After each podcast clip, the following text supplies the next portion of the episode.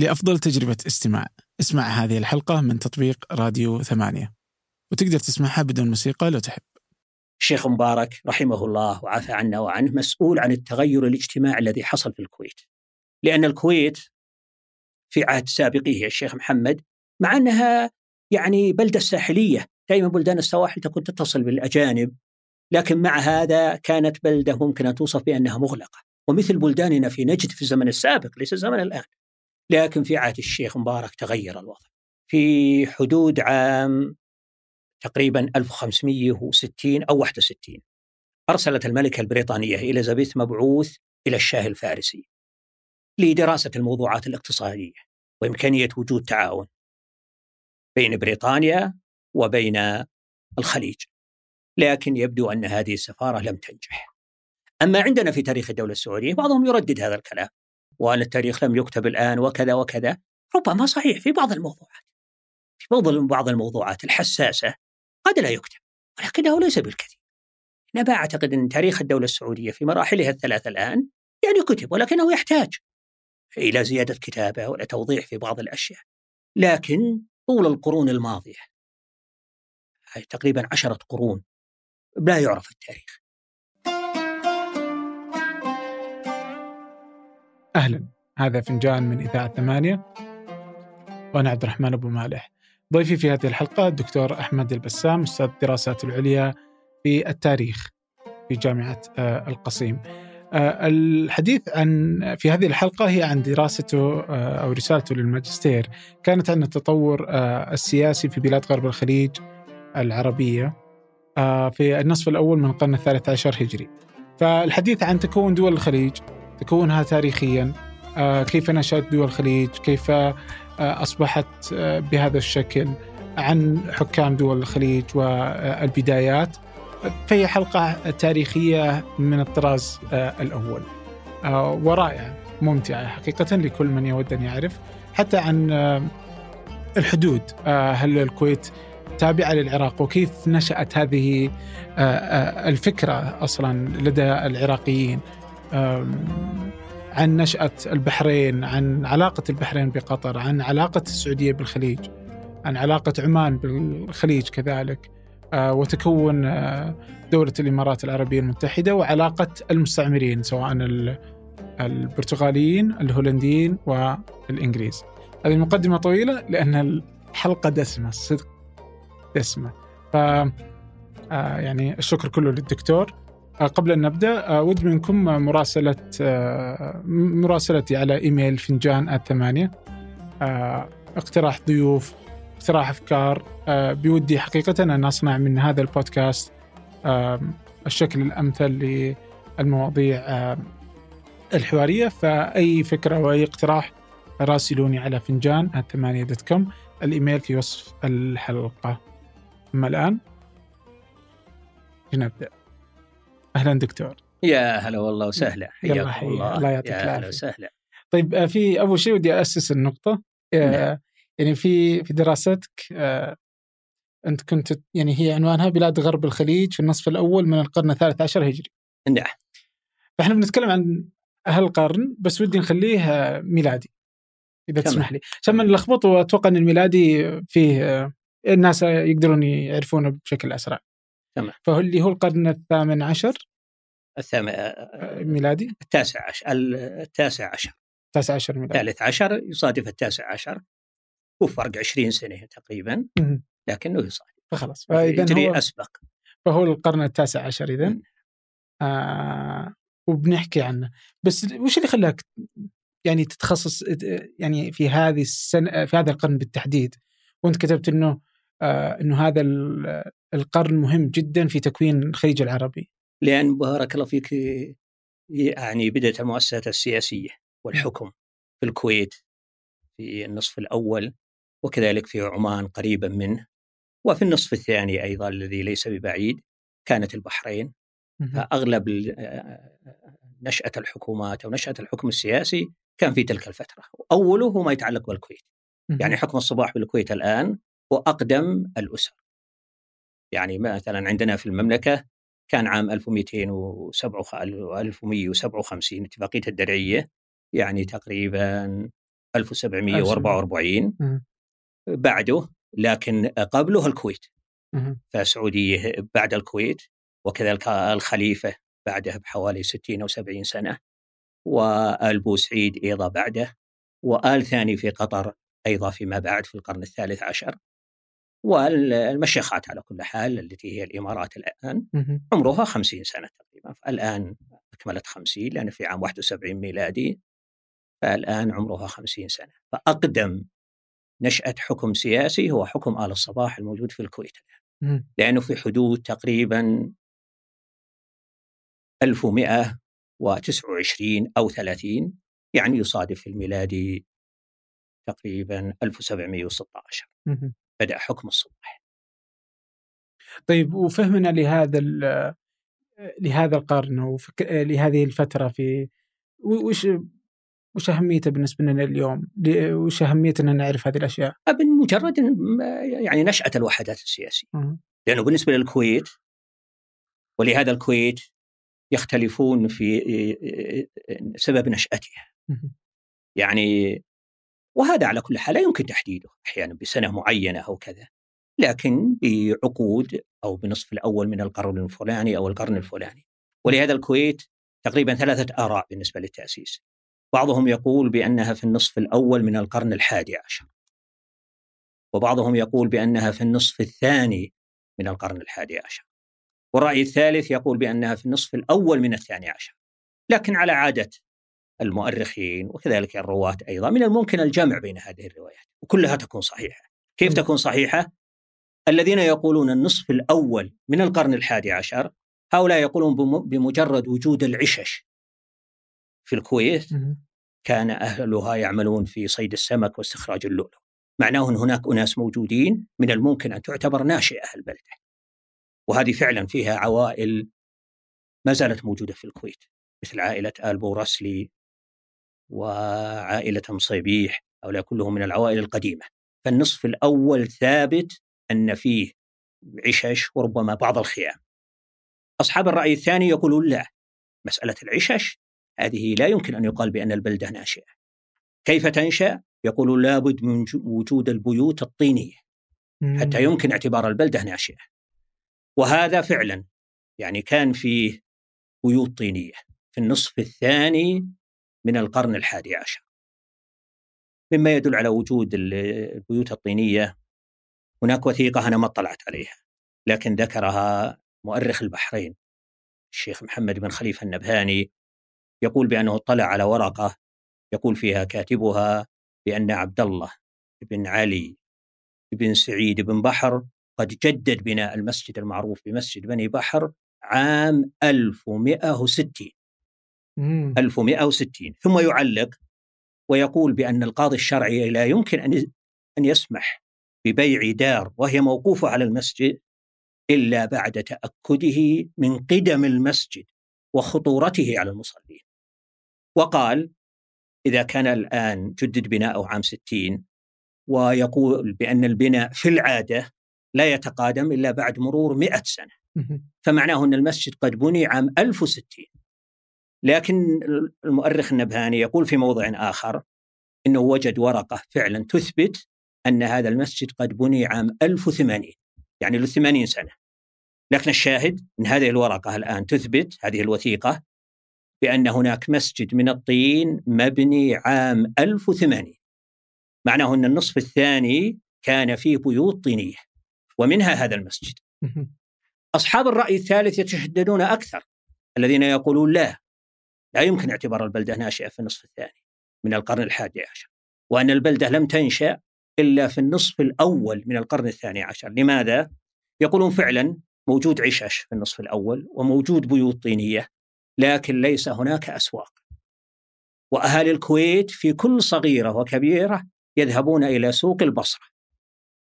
والأسواق لم توجد هذه إلا في النصف الأول من الثاني عشر.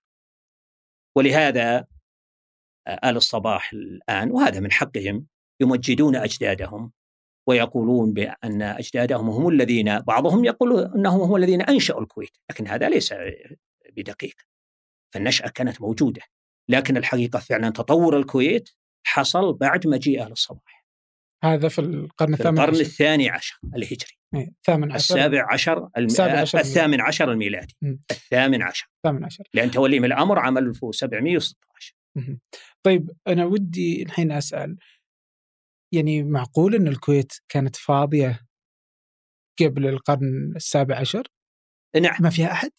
قطعا؟ مسألة العشش غير واضح ما متى كانت بشر. موجودة قد تكون موجودة قبل. يعني وجودها في في في منطقة حيوية يعني كميناء وكقريبه من فارس وقريبة من بغداد والبصرة يعني والعراق وكانت حضارتين يعني آنذاك. فمعقول إنه في يعني إذا أخذنا مثلا إنه 11 قرن هجري ما فيها أحد؟ من الممكن. يعني هي مجرد صحراء؟ حتى الآن في الصحاري بس ما ما فيها يعني هي هي على الخليج. كل على الخليج الساحل طويل جدا مم. مئات الكيلومترات وباقية. مم. لكن أساس وهذا ربما يجر إلى يعني إلى الحديث عن اشتقاق الاسم. ولماذا سميت بالكويت؟ مع أن هذه على كل حال التعليلات دائما يقولون بأن الأسماء لا تعلل وأنه من الممكن أن يعرف الاسم ومن الممكن أن لا يعرف. لكن جرت العادة بأنه أي باحث يريد أن يكتب عن مدينة أو عن قرية أول ما يبدأ بهاتين المسألتين. لماذا سميت بهذا الاسم؟ ومتى نشأت؟ يكون هناك معلومات دقيقة أو ليس هناك معلومات هذا شيء آخر. لكن لابد أن يبحث الكاتب في هذا. وهو فعلا لابد لها أسماء. ي- يعني في الزمن السابق ليس فقط مجرد أسماء المدن بل حتى الأحياء الموجودة داخل المدن لها أسباب. ما تقارنها بأيامنا الحاضرة. صاحب ال- ال- العقار يقدم مخطط إلى البلدية ويختار له أي اسم حتى يختار اسم يعني براق وكذا ويسميه. لكن لا في ذلك الزمن عندنا في كل البلدان النجدية حتى الحارات الصغيرة هذه لها تعليلات. لماذا سموها بهذا الاسم؟ إيه لكن مع الأسف لا نعرفه أحيانا. إيه الآن عندنا المروج. حي المروج ولا في والمروج مو... نعم ولا في مروج ولا شيء. والت... يعني والمروج في كل مدينة ن- ن- الآن تسمى. إيه. يعني كلها يأخذون هذه الأسماء. لكن عندنا في ذلك الزمن لا. في القرن يعني الثاني عشر والثالث عشر والرابع عشر. عندنا في بلداننا النجدية مم. هناك تعليل لهذه الأشياء. مثل يعني؟ لماذا سميت بكل الشوارع الموجودة القديمة؟ حتى في في الرياض مثلا. مم. لماذا سميت مثلا دخنة مم. أو ب- بهذا الاسم. لماذا سمي كذا؟ لماذا سميت الظهيرة لابد إن في شيء. لابد في سبب. لكن قد لا نعرفه. من الممكن إنه ما يعرف. فالشاهد بالنسبة للكويت لماذا سميت بهذا الاسم؟ إيه، المتفق عليه أو شبه المتفق عليه إن اسم الكويت هذا نسبة إلى الكوت أو الحصن هذا بناه أحد شيوخ بني خالد. بناه في هذا المكان. كان بر. ما فيه أحد. مم. وبناه. لأنه ي- يخرج إلى النزهة ويخرج إلى الغزو ويستفيد من هذا الكوت أو هذا الحصن. عربية؟ ما ربما أنها هندية أو أو كذا لأن اسم الكوت يبدو على الحصن حتى عندنا في الاحساء مم. ال- الكوت. فالكوت تعني الحصن. فكانوا يسمونه بالكوت. لكن لماذا سمي بالكويت؟ ما سموه بالكوت. سموه بالكويت. يريدون تعليلين لهذا. التعليل الأول يقول بأن هذا الحصن قد تهدم وأنه أعيد بناؤه. صار الكويت صار وأن الذي أعاد بنائه لم يبنه على القواعد الأولى صغره. آه. فالذين يعرفون الكوت الأول ويقولون له الكوت بدأوا يقولون الكويت. هكذا. هذا الرأي الأول. الرأي الثاني يقول لا أنه لم يتهدم وإن كان قد تهدم فإن الذي أعاد بناءه أعاده على القواعد الأولى إذا لماذا صغر؟ يقول أهالي المنطقة هم بطبيعتهم يميلون إلى التصغير وهذا وارد فعلا يعني في الكويت الشويخ حيحي. الفحيحيل مم. الفنيطيس صليبيخات يعني هم يميلون للتصغير حتى في الأحساء أيضا شيوخ بني خالد. إيه، سعدون وعريعر ودجين وكذا يميلون إلى التصغير فيقولون لا لأنه أبدا يعني ال- الحصن على ما هو عليه لكن أهالي المنطقة هم بطبيعتهم يميلون إلى تصغير الأشياء وهل عرف طيب ليش بني خالد يحبون تصغير الأشياء؟ أو إيه، ما يعني على أساس أنهم قريبين. والخليجيون الآن يعني في لهجاتهم عندهم تقارب. فأهل الشرقية ربما بعض لهجاتهم وبعض كلماتهم قريبة من الخليج عموما. طيب قبل أدخل واضح إنه دائما لما نتكلم عن تاريخ الخليج آه، العربي إنه نتكلم عن تاريخ مو بواضح. تاريخ يتطلب آه، إنك تبحث ولا تجد شيء. صحيح.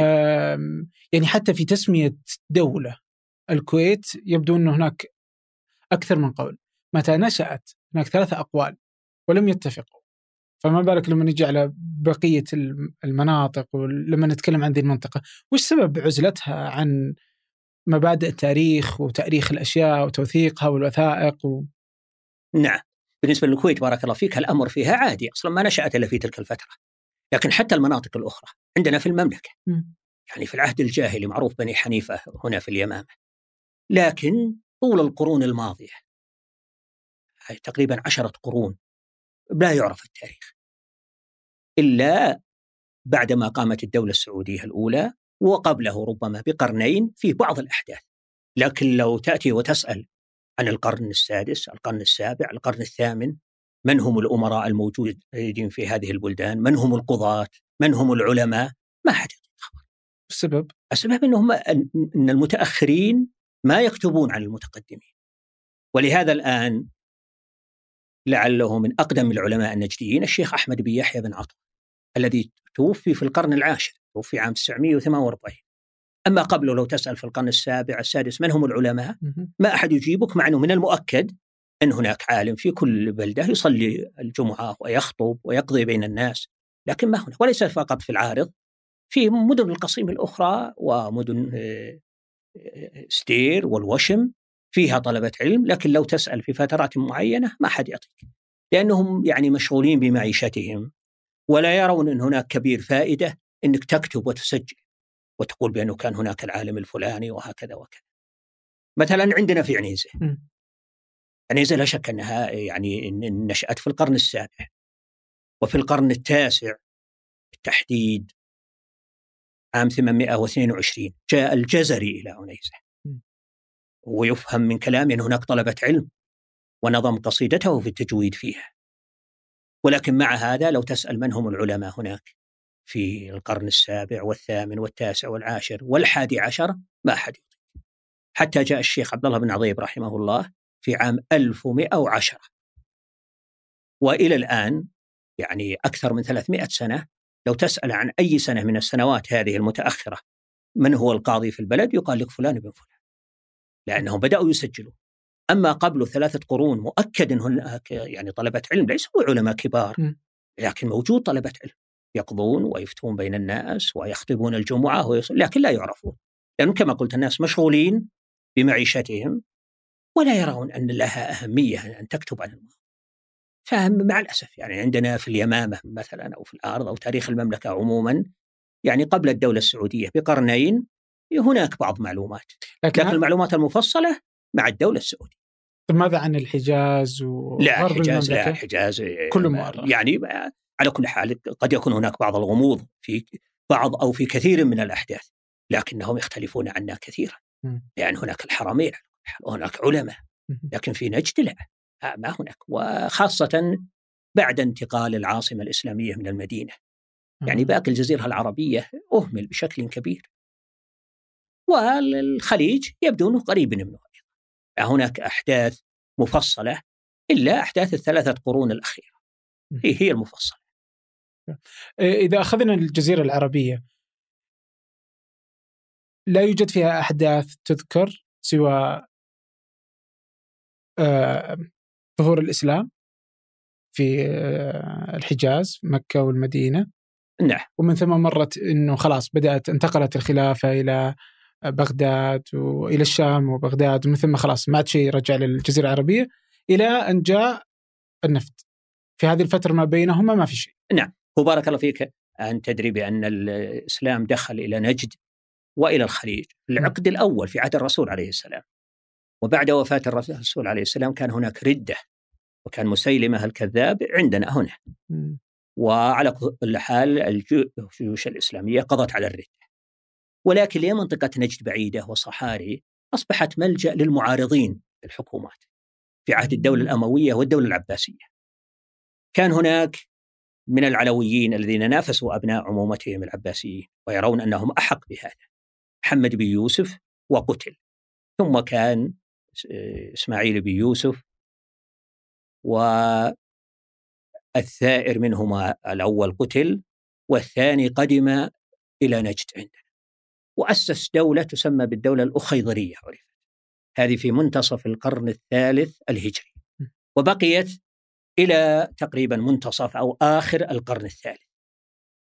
ولك ولله الحمد ما يوجد يعني في نجد إلا السنة فقط مع أنها هي مذهبها علوي وزيدي.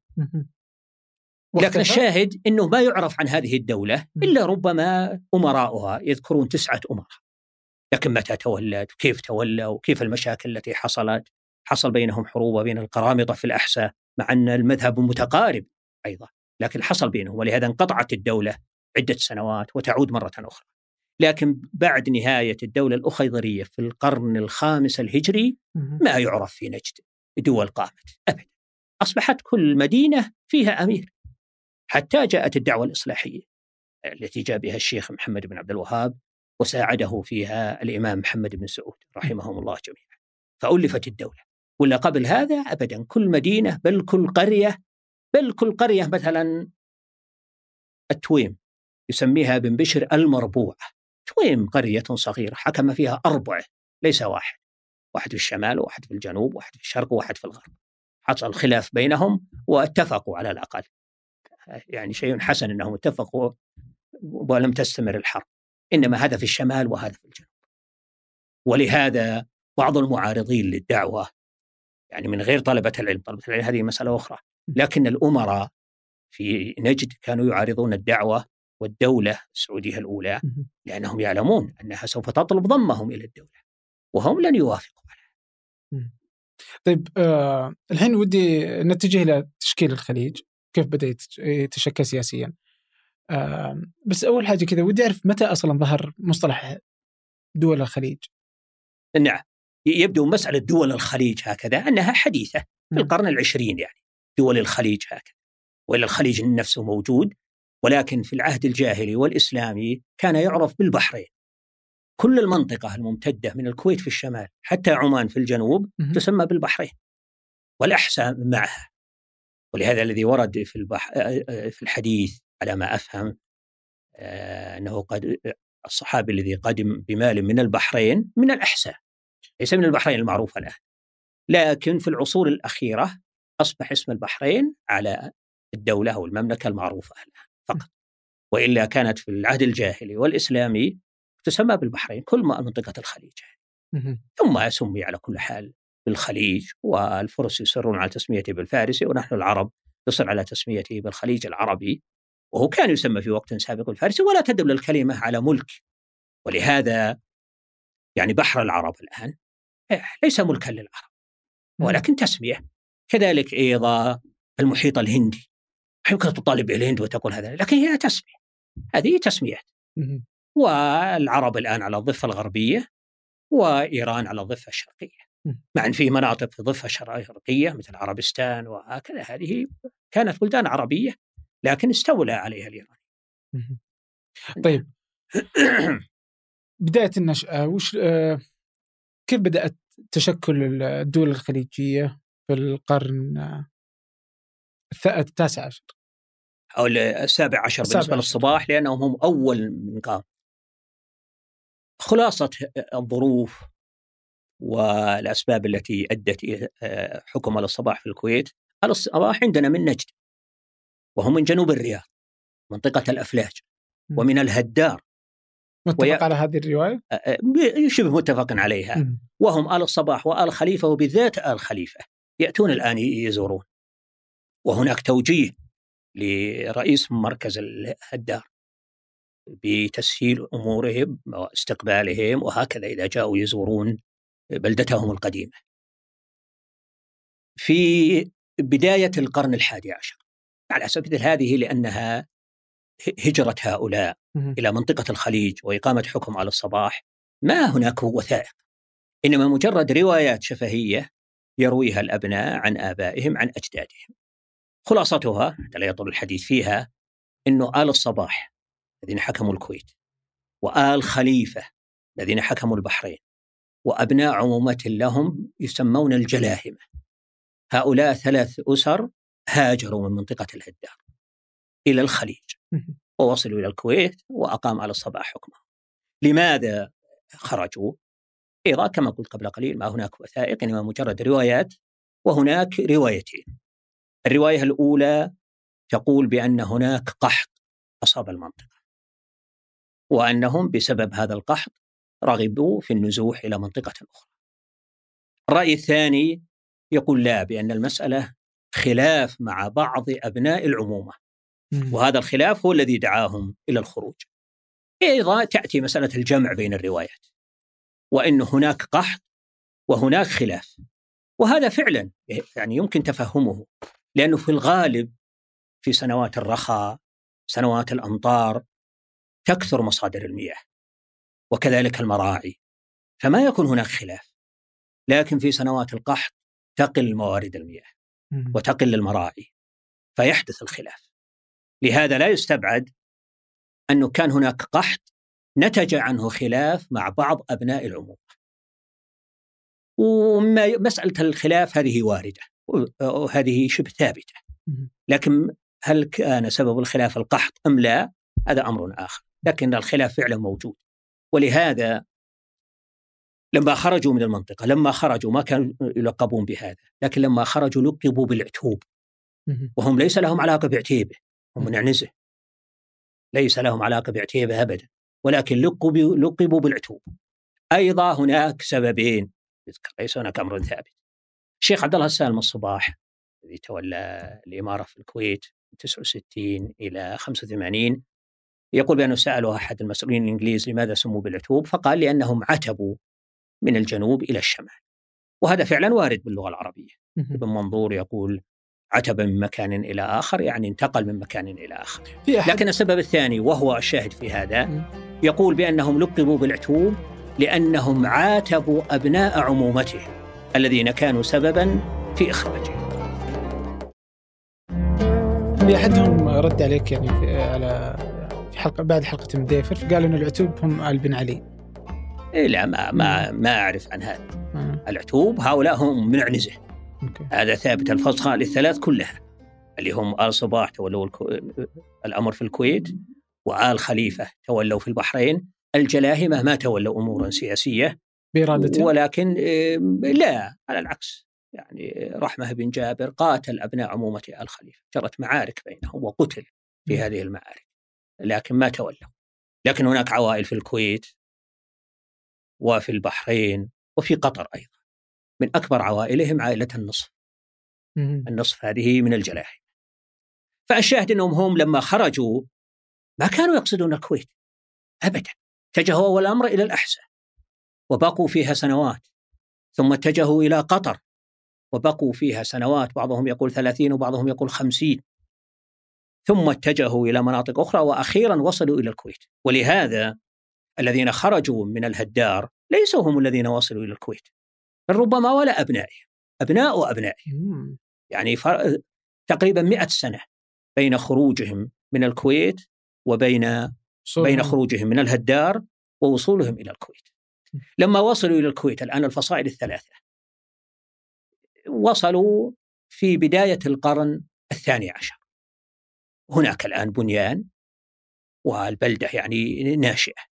حسب الرواية أنهم اتفقوا على تقسيم الأعمال فيما بينهم. كيف تقسم الأعمال؟ قالوا يكون الحكم لآل الصباح والخليفة لهم التجارة والجلاهمة لهم البحر. وتقتسم الأرباح فيما بينهم بالتساوي كذا قالوا. الوثيقة على كل حال غير يبدو أنها غير مكتوبة. وإن كانت مكتوبة هي غير موجودة. آه. ولهذا كأنها غير واضحة. كيف هؤلاء يحكمون وهؤلاء يعملون؟ وتقتسم الأرباح فيما بينهم بالتساوي. لكن الظاهر يتبين فعلا من غضب آل خليفة بعد وفاة الشيخ صباح الذي هو الأول وتولي ابنه. الظاهر أنهم كانوا متفقين على أنه يتولاها الآن رجل من آل الصباح. وإذا توفي يتولى الأمر رجل من آل خليفة ثم رجل من الجلاهمة وهكذا. ولهذا كانوا ساكتين وراضين أيام الشيخ صباح. لكن بعد وفاته تولى ابنه عبد الله فغضبوا. ماذا حصل؟ وخرجوا من الكويت وساروا في طريقهم في قصة طويلة. بس خرجوا ولا صارت حرب بينهم؟ ولا لا لا لا أبدا. لا استأذنوا وخرجوا. أبدا ما صار بينهم شيء. واتجهوا حاولوا ينزلوا في البحرين ما نزلوا. نزلوا في الزبارة في قطر. وساءت العلاقات مع حكام البحرين وحدثت عمليات عسكرية مع قطر. مع العمليات العسكرية مع البحرين. آه. نزلوا في قطر في الزبارة. من كان يسكن البحرين؟ المذكور هم الأمراء. المذكور هم الأمراء الشيعة. الأصل أنهم أباضية من بوشهر الإيراني فطلعوا آل خليفة من الكويت إلى البحرين و... إلى البحرين خرجوا إلى البحرين. م. يعني ولما نقصد الآن البحرين هل نقصد الجزيرة اللي هي الجزيرة اللي هي الموجودة الآن. لكن رفض آل مذكور السماح لهم. ربما بسبب الاختلاف المذهبي. لكن سبحان الله هذه يعني حتى في يعني الآية عسى أن تكرهوا شيئا وهو خير لكم وعسى أن تحبوا شيئا وهو شر لكم. لكن نحن دائما مستعجلين بأشياء كثيرة. والمسألة ليست على مستوى الأفراد حتى على مستوى الإمارات والدول. يعني آل خليفة هؤلاء عندما خرجوا من الكويت وكتبوا رسالة إلى الشيخ نصر آل مذكور يسمح لهم لأنه في ذلك الوقت على كل حال يعني البلدان النجدية ما يمكن يأتي أحد ويدخل وعائلته مثلا 30 40 ويسكن في البلدة الا لابد من الاستئذان من الأمير. مم. الأعداد قليلة. فهم كتبوا كيف تتم عملية الاستئذان؟ الاستئذان يكتب إلى الأمير، أمير البلدة مم. ويطلب منه الإذن. قد يسمح وقد لا يسمح حسب الظروف. فنصر المذكور الآن لأن هؤلاء ربما سنة وكذا ما سمح لهم. لا شك أنهم تضايقوا. يعني كانت الرغبة الأكيدة عندهم أن يسمح لهم. فاتجهوا إلى الزبارة. ربما لأنهم سبق ابائهم على الأقل نزلوا في قطر. فعلا بقوا في قطر في قصة طويلة هو قتل الرجل من تابع لآل خليفة في البحرين وكتبوا إلى الشيخ نصر يطلبون منه التحقيق في الموضوع لكنه لم يهتم. فذهب مجموعة من الرجال وقتلوا القاتل وخمسة من أتباعه. وما كانوا يقصدون الخمسة لكن الخمسة هؤلاء تولوا الدفاع عنه.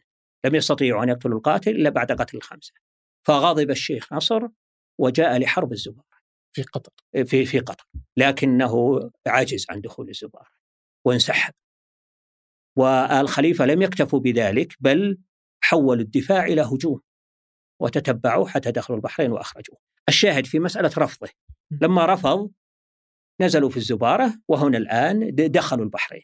يعني لو أن الشيخ نصر آل مذكور سمح لهم سينزلون في البحرين وسيكونون من كبار التجار. لكن لن يتولوا الحكم. هذا يعني رجم بالغيب لكن هذا ظاهر الأمور. إنهم لن يتولوا حكم لكن أراد الله أن يمنعهم ويذهبوا إلى الزبارة ويبقوا فيها ويكثر أنصارهم في الزبارة وتتعقد العلاقة مع البحرين فيدخلون كما يقولون هم فاتحون. ويخرجوا المذكور ويرجعوهم إلى بوشهر التي جاءوا منها. ويحكم. الآن لهم أكثر من 240 سنة هم يحكمون في البحر الإنسان لا يدري فعلا ما هو الأفضل له، لكن طبيعتنا نحن الاستعجال في هذه سبحان الله. طيب ماذا وش اللي حصل المذكور كلهم آه المذكور عائلة نعم رجعوا. كلهم. لأنهم هم يبدو أنهم كما يقولون انهم من قبيلة المطاريش العمانية وكانوا أباضية عمان أكثرهم أباضية لكن اتجهوا إلى الساحل الفارسي وكأنهم أصبحوا شيعة. فالفرس عينوهم في البحرين في مقابل مقابل أنهم يدفعوا 4000 تومان سنويا. وخرجوا وصاروا الخليفة حكام وصار الخليفه هم الحكام للبحرين. بزعامة الشيخ أحمد بن محمد. وأبناؤهم الذين يحكمون الآن. ومن ذاك الوقت إلى اليوم وهم إلى اليوم وهم الذين يحكمون. هذاك الوقت كان عام 1700 و... عام 1782 82 طيب آه آل ثاني ما كانوا في قطر؟ آل ثاني بالنسبة لتوليهم الحكم هم جاءوا على كل حال من أشيتر ومروا بعدة مراحل ودخلوا إلى قطر. وكانت قطر لأنه كما قلت قبل وش اللي أخرجهم طيب من أشيقر؟ أبدا عادي خروج هجرات عادية. لأنه ما لهم علاقة بالإمارة. إلى الآن وهي مجرد خروج. وأشيتر الآن يعني هؤلاء الحكام الذين خرجوا منها آل ثاني. وكذلك لكن أشيتر لو أن أهلها بقوا فيها أصبحت الآن مدينة كبيرة جدا جدا.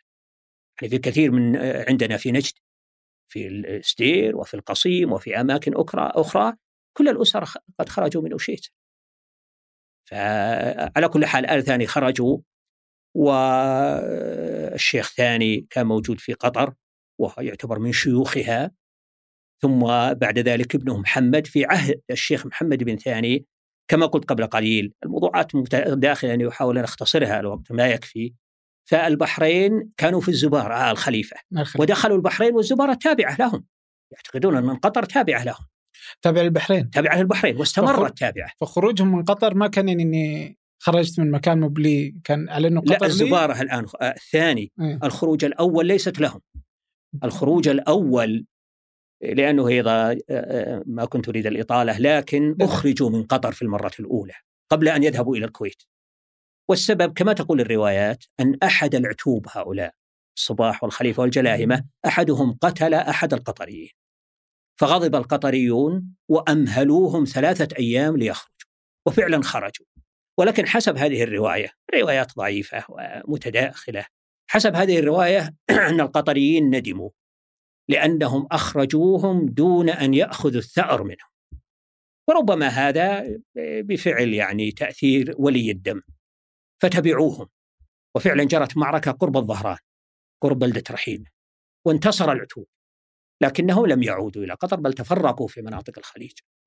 حسب هذه الروايات تذكرون الكويت ويذكرون البصرة ويذكرون أماكن في العراق ويذكرون أماكن في إيران. ولهذا كما قلت قبل قليل أنه ما يدخل البلدة إلا باستئذان. أنا لا أعلم إحصائيات عن عدد العتوب لكن يبدو أنهم كثيرين بعد تلك المعركة. ورأوا أنه لا يمكن لأمير بلد بلد واحد يسمح لهم بهذا العدد الكبير. فرأوا أن الحل هو التفرق. كل مجموعة تتفرق. كثيرين قديش؟ والله لا أعلم. يعني نتكلم عن بالمئات مئات؟ بالمئات مو آلاف. لكن والله لا أعلم لكن لا أظنهم يصلوا إلى هذا. لا ربما أنهم بالمئات. لكن هل هي مئات متدنية 200 300 أو 600 و700 أو كذا؟ ما أنا لا أعلم بالتحديد. طيب فكان الحين آه، آه، في في قطر. فنعم نرجع إلى الثاني في قطر. م. فالبحرين أو آل خليفة يعتبرون قطر تابعة لهم. مع إنها تبعية اسمية. لأن مشيخه محمد بن ثاني ثم بعد ذلك آه، مشيخه محمد بن ثاني. هو يعتبر المؤسس مع أن المؤسس الحقيقي هو الشيخ قاسم ابنه فيما بعد. لكن الشيخ محمد بن ثاني تعقدت الأمور بينه وبين آل خليفة في عهده. لأن ما يمكن أن يسمى والي البحرين أو المندوب للبحرين ولعله كان يدعى أحمد بن محمد بن سلمان أساء السيرة واختلفوا معه في قصة طويلة. فكان هناك حرب بين الطرفين.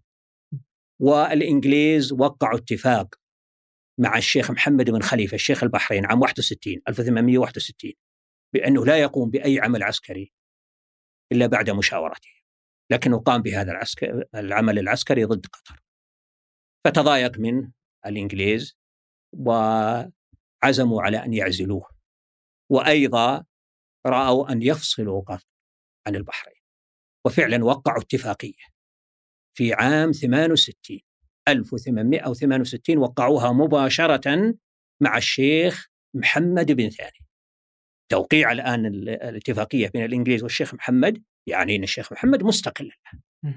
وفعلا كان الاستقلال في هذا العام 1868 يصادف 1285 هجري.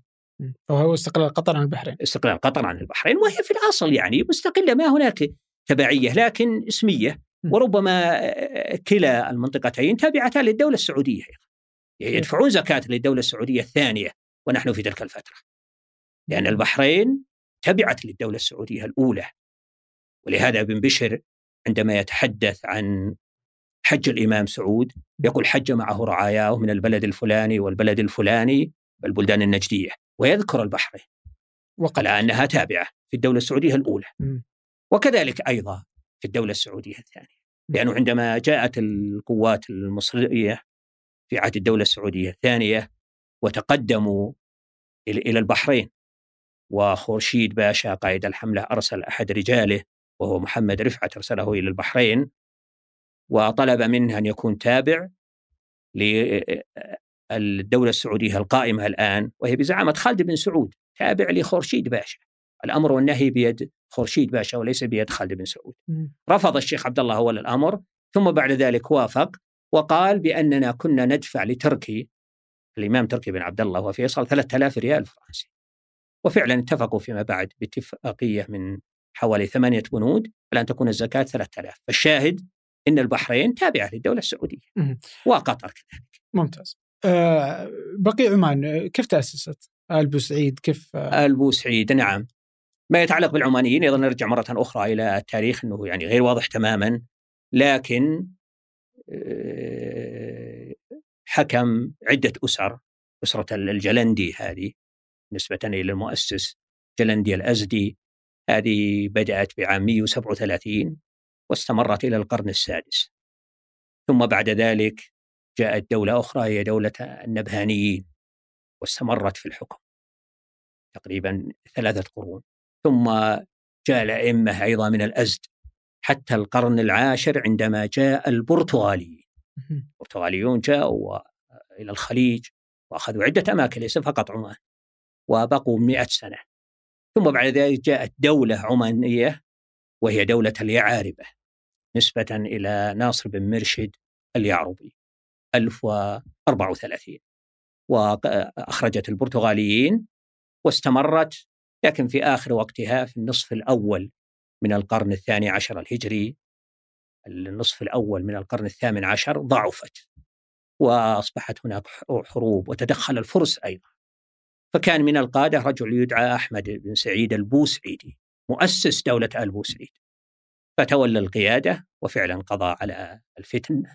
وأخرج الفرس من البلد وأسس دولة آل بوسعيد وأبناؤه هم الذين يحكمون آه وكذا إنه بوسعيد هو الوحيد اللي ما طلع من نجد صح؟ حتى الآن.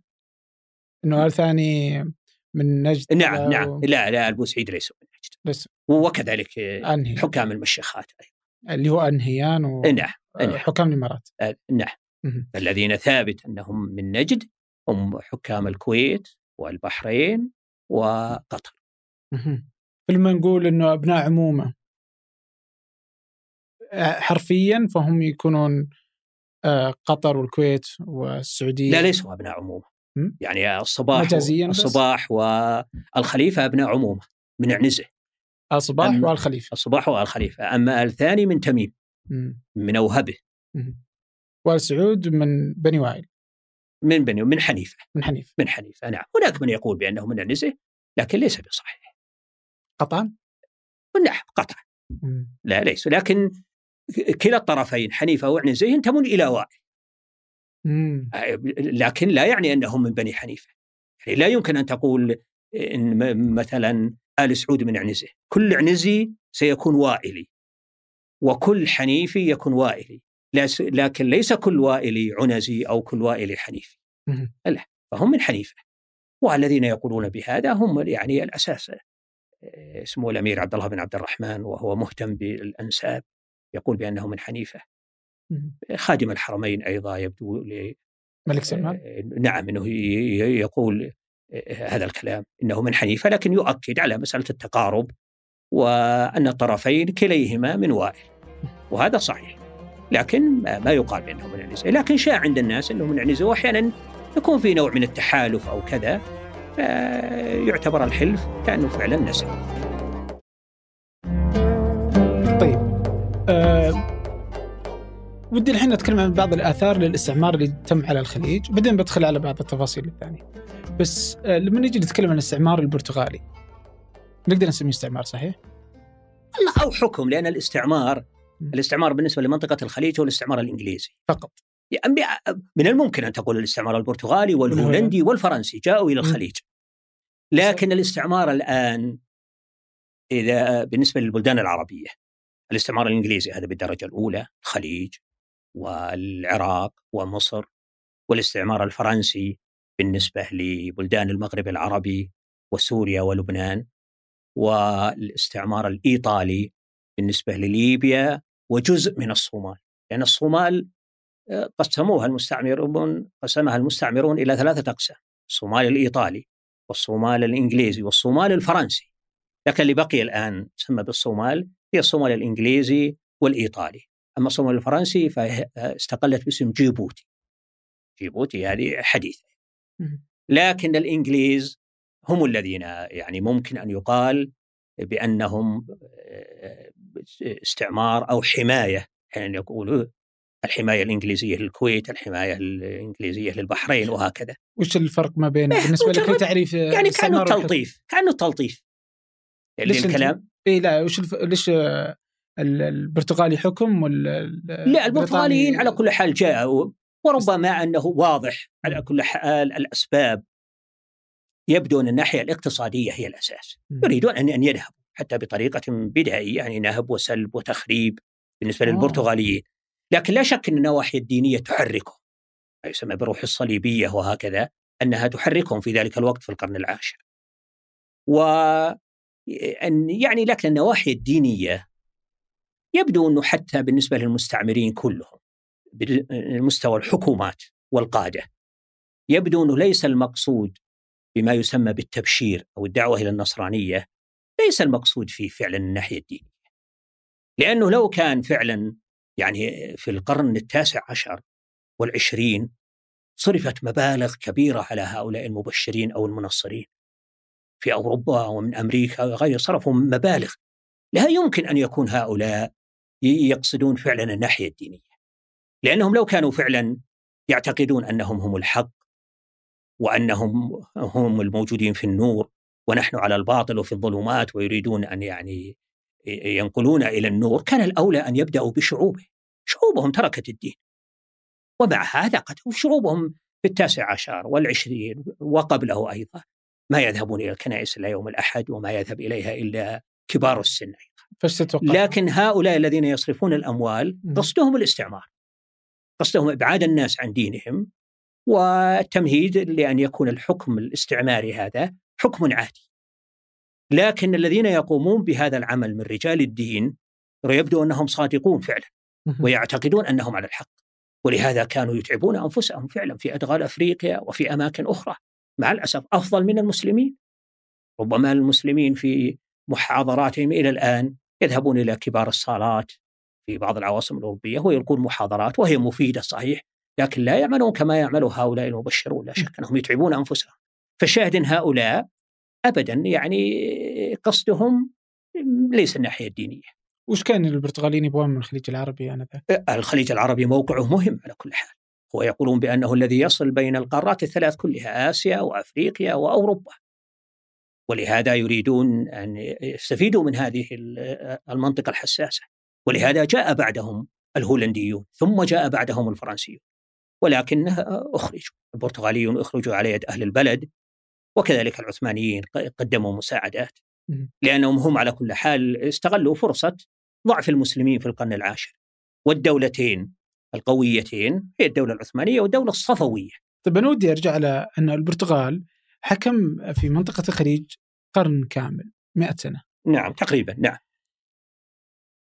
بس اليوم يعني بالكاد آه، هل أنعكس على آثار آه، سواء مجتمعية، ثقافية، سياسية اليوم نقدر نقابل ما أظن احدا يقول بأن الشيء آه، يعني العادة الاجتماعية التي وجدت أو طريقة البنيان مثلا أو كذا حصل بسبب البرتغاليين أنا لا أعلم. 100 سنة بلا آثار؟ لأن ربما إذا كان باقي 100 سنة كثير يعني 100 سنة لكنها قديمة لو لو كانت موجودة الآن لكن لها أكثر من 400 سنة يعني يعني معناهم كل بنيانهم ذهب الآن. مم. لكن لو تقول مثلا الإنجليز لو الهولنديين؟ كان نعم؟ الهولنديين فيما بعد والهولنديين فترة قصيرة. الفرنسيين؟ النصف الأول وكذلك الفرنسيين النصف الثاني من القرن أيضا. مم. السابع عشر. يعني فترة ليست طويلة. فهذه الثلاث لكن الإنجليز الإنجليز هم الذين بقوا فعلا. والإنجليز يعني دائما اقولها للطلاب يعني أرجو إنه ما يفهم مني ثناء على الإنجليز. الاستعمار كله سيء. وكما قلت لك الاستعمار البلدان العربية الإنجليز الإيطاليين الفرنسيين. لكن الإنجليز أفضل بكثير من الإنجليز والإيطاليين. من البرتغاليين قصدي. لا البرتغاليين على كل حال سيئين جدا ولكنهم ما استعمروا. هذا م. الاستعمار هو الذي بقوا فعلا وكان هناك حتى النهضه التعليميه وكذا وكذا. ممكن أن تقارنهم. أما الحكم البرتغالي هذا حكم لا شك أنه ممكن أن يوصف بأنه همجي وبأن المسألة نهب وسلب فقط. لكن هؤلاء بقوا مدة طويلة. يعني الفرنسيين في بلدان المغرب آه، بقوا 150 سنة في في الجزائر. ولكن أرجع وأقول في, في الخليج كم قعدوا؟ 400 سنة؟ الخليج الإنجليز بقوا 150 سنة. 150؟ 150 سنة. أول اتفاقية وقعت كانت في عام 1820 وقعوها مع حكام رأس الخيمة وخرجوا عام 71 1971 1391 طيب ودي أعرف أول شيء وش سبب آه، اهتمام الإنجليز بالمنطقة الخليج آنذاك؟ نعم. لا يزال نفس الشيء ارتباط ولا بعد لا هو هو أساس الناحية الأساسية هي تجارية، مع ان هناك من يقول لا من الأساس أهدافهم سياسية، لكن يبدو أن المسألة الأولى والأساسية التي بدأوا بها كانت تجارية. في حدود عام تقريبا 1560 أو 61 أرسلت الملكة البريطانية إليزابيث مبعوث إلى الشاه الفارسي لدراسة الموضوعات الاقتصادية وإمكانية وجود تعاون بين بريطانيا وبين الخليج لكن يبدو أن هذه السفارة لم تنجح. بعدها بسنوات قليلة في عام تقريبا 68 كان هناك تاجر يدعى آرثر إدوارد. هو جاء بنفسه معه مجموعة فقط. ليست لها علاقة بسياسة ولا غير جاب معه بعض البضائع من أوروبا وباعها في منطقة الخليج وأخذ مجموعة من الأشياء الموجودة في منطقة الخليج وعاد بها إلى أوروبا وباعها. الشاهد أنه وفق في تجارته وكتب كتابة جيدة. وكما يقولون سال لها لعاب التجار الإنجليز. وفكروا فعلا بأن يؤسسوا شركة للتعامل مع بلدان الخليج. وش التجارة اللي كانت موجودة في دول الخليج آنذاك؟ يأتون بالأشياء الموجودة من الهند أيضا بدل أن يتعبوا أنفسهم بالذهاب إلى الهند. هناك أشياء كثيرة تأتي من الهند إلى منطقة الخليج ويأخذونها معهم إلى أوروبا وبالأخير هم ذهبوا إلى الهند أيضا توسعت الأمور. لكن هذا في بدايتها. في نهاية القرن السادس عشر أسسوا شركة باسم شركة اتحاد التجار المغامرين بهدف الاتجار مع الشرق وهي التي غيرت فيما بعد بشركة الهند الشرقية البريطانية. هذه أسست عام 99 1599 ووافقت عليها الحكومة البريطانية في عام 1600 وسيرت أول رحلة تجارية لها عام 1601 وفعلا التجارة بدأت تنجح ولهذا بدأوا يفتحون عدة مكاتب في شرق الخليج وفي غربه وإلى هنا والأمور عادية. لكن مع طيب ودي في هذه الفترة كيف كان تعامل أهل الخليج مع دخول الإنجليز؟ عادية. عادية. عادية ما ما هناك لأن المسألة إلى الآن تجارة. يستأذنون بالتواجد ومثل ما, أظنهم يستأذنون. وهذا الذي يعني أغضب القواسم. القواسم هؤلاء هم الذين يحكمون الآن الشارقة ورأس الخيمة. كانوا في رأس الخيمة اساسه القواسم. رحمه بن مطر هو المؤسس. وكان يبدو يضع خيمة في مكان مرتفع وتشب النار في الليل ويأتي إليها الضيوف وهكذا. الشاهد هؤلاء القواسم يعني مثل ما قلت إنهم غير راضين عن الإنجليز وأنه لابد ينبغي على الأقل تكون هناك ضرائب أو كذا فكانوا يهاجمون السفن. السفن البريطانية. ثم بعد ذلك تقدمت الدولة السعودية في حدود عام 1214 الدولة السعودية الأولى في عهد الإمام عبد العزيز. والقواسم دخلوا في طاعة الدولة السعودية. وهنا الآن تغير الوضع. بدل أن كان قتالهم ضد الإنجليز ناحية يعني وطنية وممكن أن يقال نهب وسلب وكذا أصبح الآن جهاد. عقائدي عقائدي. يعتقدون أن هذا جهاد في سبيل الله.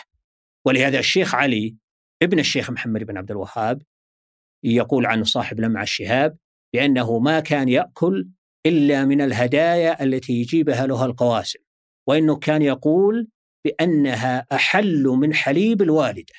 كذا أن جهاد في سبيل الله. الإنجليز لن يوافقوا على هذا. ولهذا فعلا سيروا أول حملة عسكرية ضد رأس الخيمة في عام 1805 ودمروا رأس الخيمة. ولكن بعدها بسنتين عادوا مرة أخرى. حرب العصابات وهذا أمره سهل ليست دولة. فجاءت حملة ثانية عام 1809 ودمروا رأس الخيمة ورجعت مرة أخرى.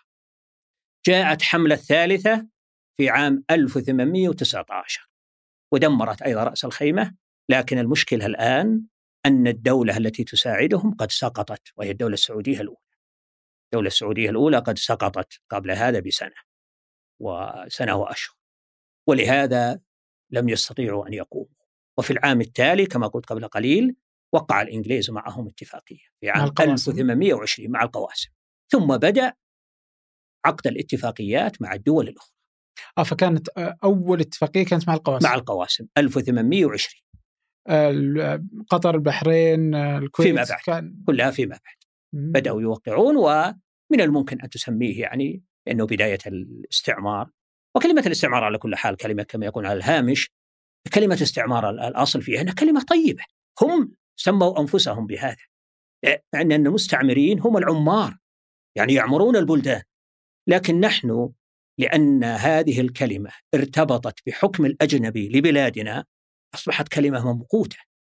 وإذا قلنا الاستعمار فهذا شيء سيء وإلى الأصل أنها كلمة طيبة. ولهذا يقول تعالى وإلى ثمود أخاهم صالحا قال يا قوم اعبدوا الله ما لكم من إله غيره هو أنشأكم من الأرض واستعمركم فيها. يعني جعلكم عمار.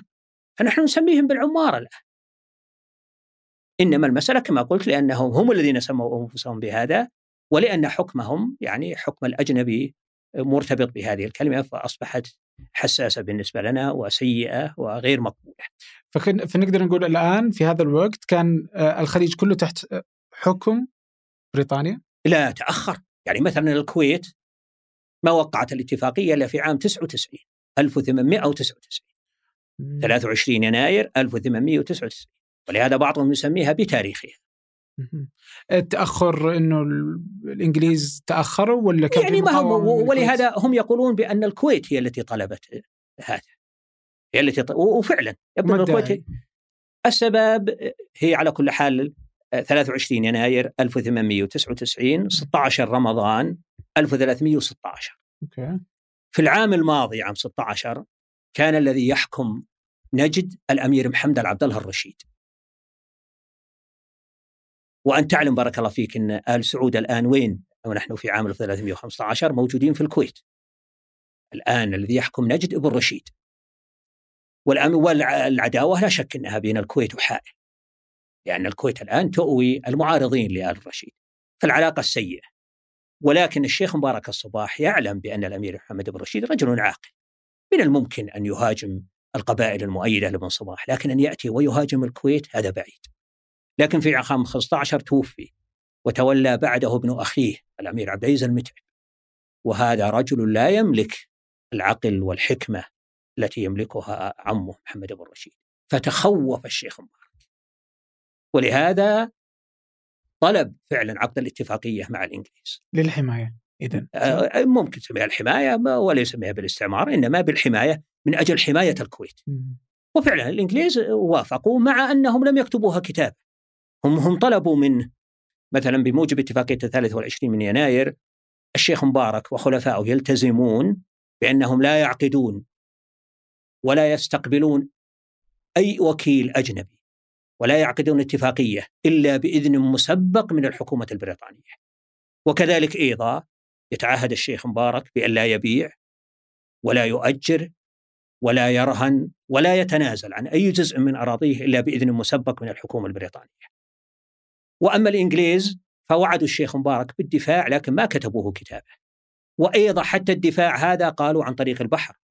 أما نقحم قواتنا في الصحراء هذا يعني ما نرغبه، لكن الحقيقة أن الكويت استفادت فعلا من حمايتها من نجد في عهد الرشيد وحتى حتى آه، في عهد الملك عبد العزيز أيام الإخوان وحماسه.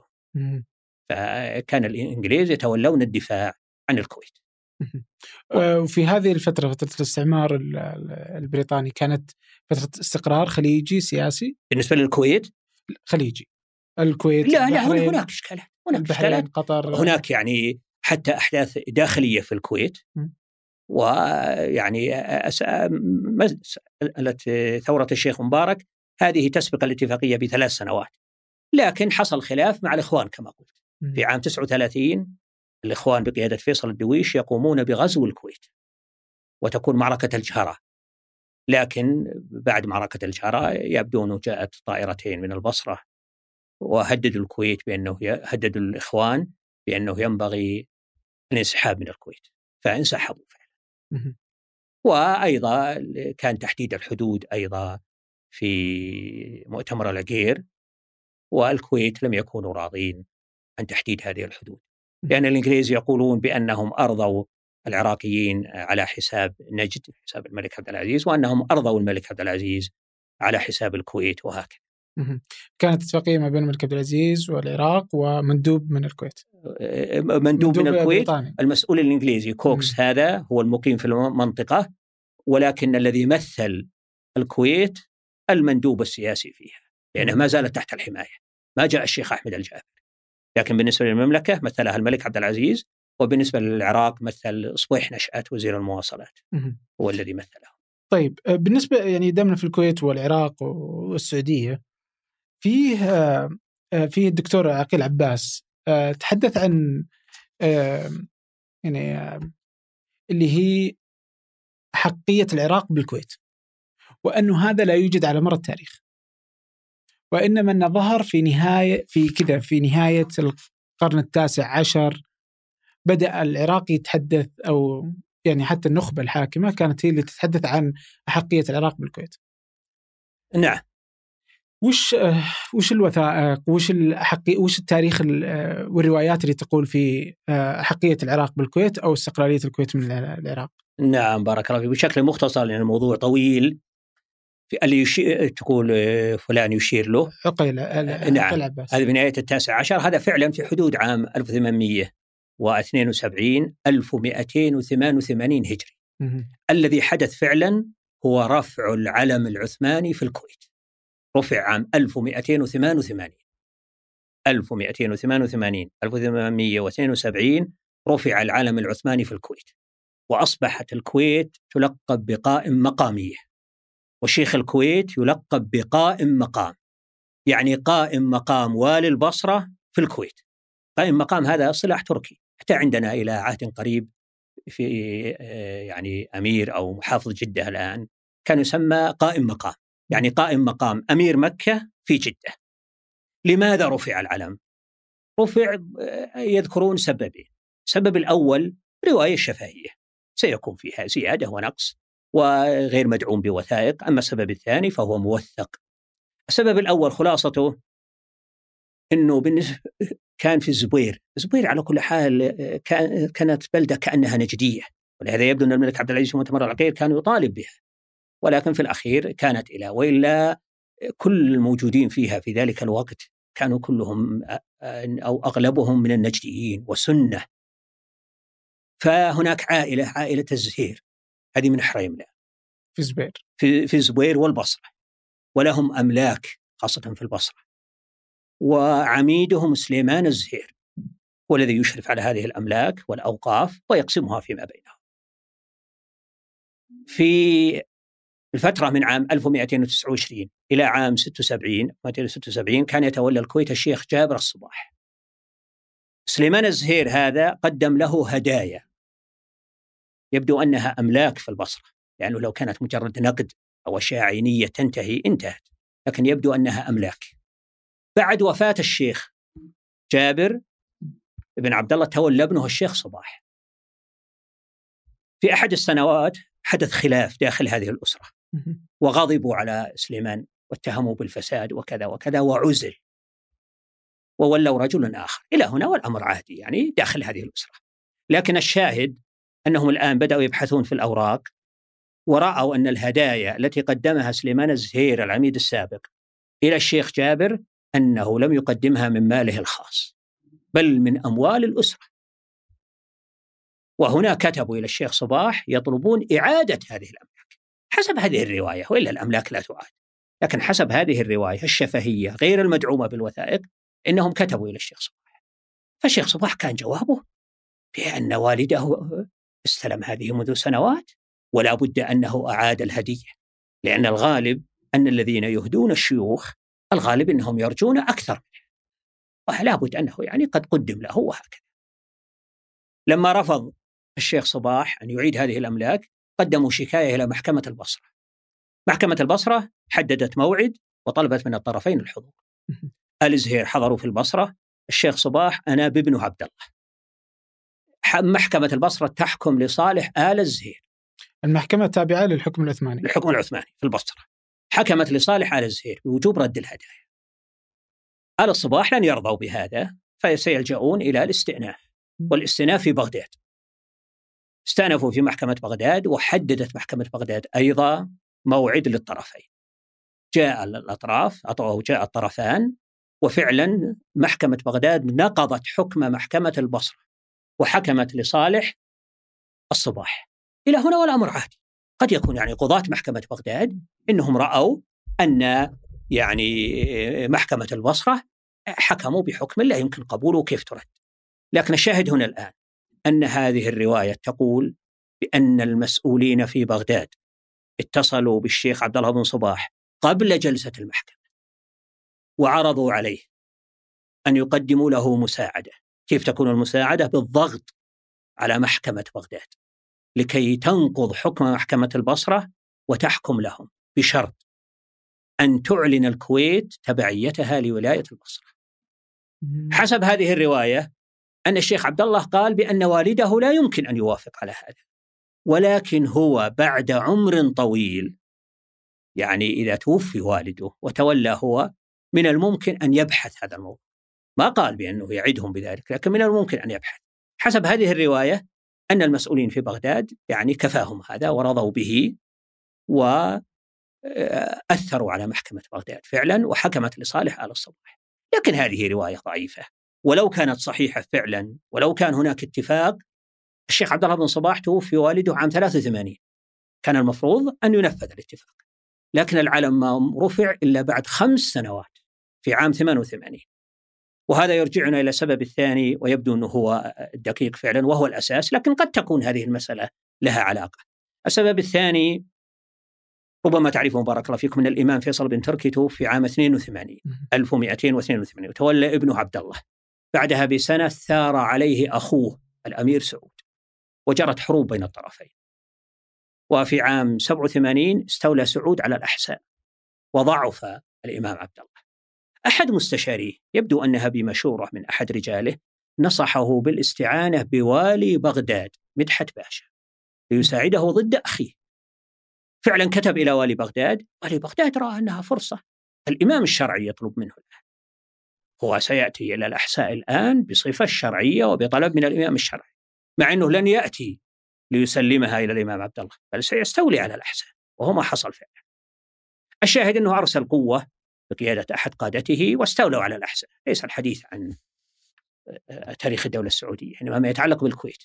بعدها بأشهر في نفس العام عام 88 جاء مدحت باشا ليتفقد قواته في الأحساء ونزل في الكويت. وفعلا أجرى محادثات مع الشيخ عبد الله. وقبل هذا أيضا القوة البرية نزلت في الكويت وقدمت لها مساعدات من الكويت. لكن الآن الشيء الوالي يأتي إلى الأحساء وفي الطريق يتوقف ويجري محادثات مع الشيخ عبد الله بن صباح. ما عرف فحوى هذه المحادثات ما الروايات ما تشير إليه لكن هم يبدو أن أصبحت العلاقة طيبة وعلى أساسها رفع العلم العثماني. وفعلا أصبح هناك يعني نوعا من التبعية الإسمية لكن هي تبعية اسمية. ليس هناك ولاة من الدولة العثمانية ولا جيش أبدا في الكويت. وليس هناك أموال تصرف ولا يتدخلون في خليفة هذا الأمير عند توليه أبدا لكن اسميا فعلا. ولهذا لما وقع ابن صباح الشيخ مبارك الاتفاقية مع الإنجليز عام 16 عام 99 ميلادي جعلوها سرية.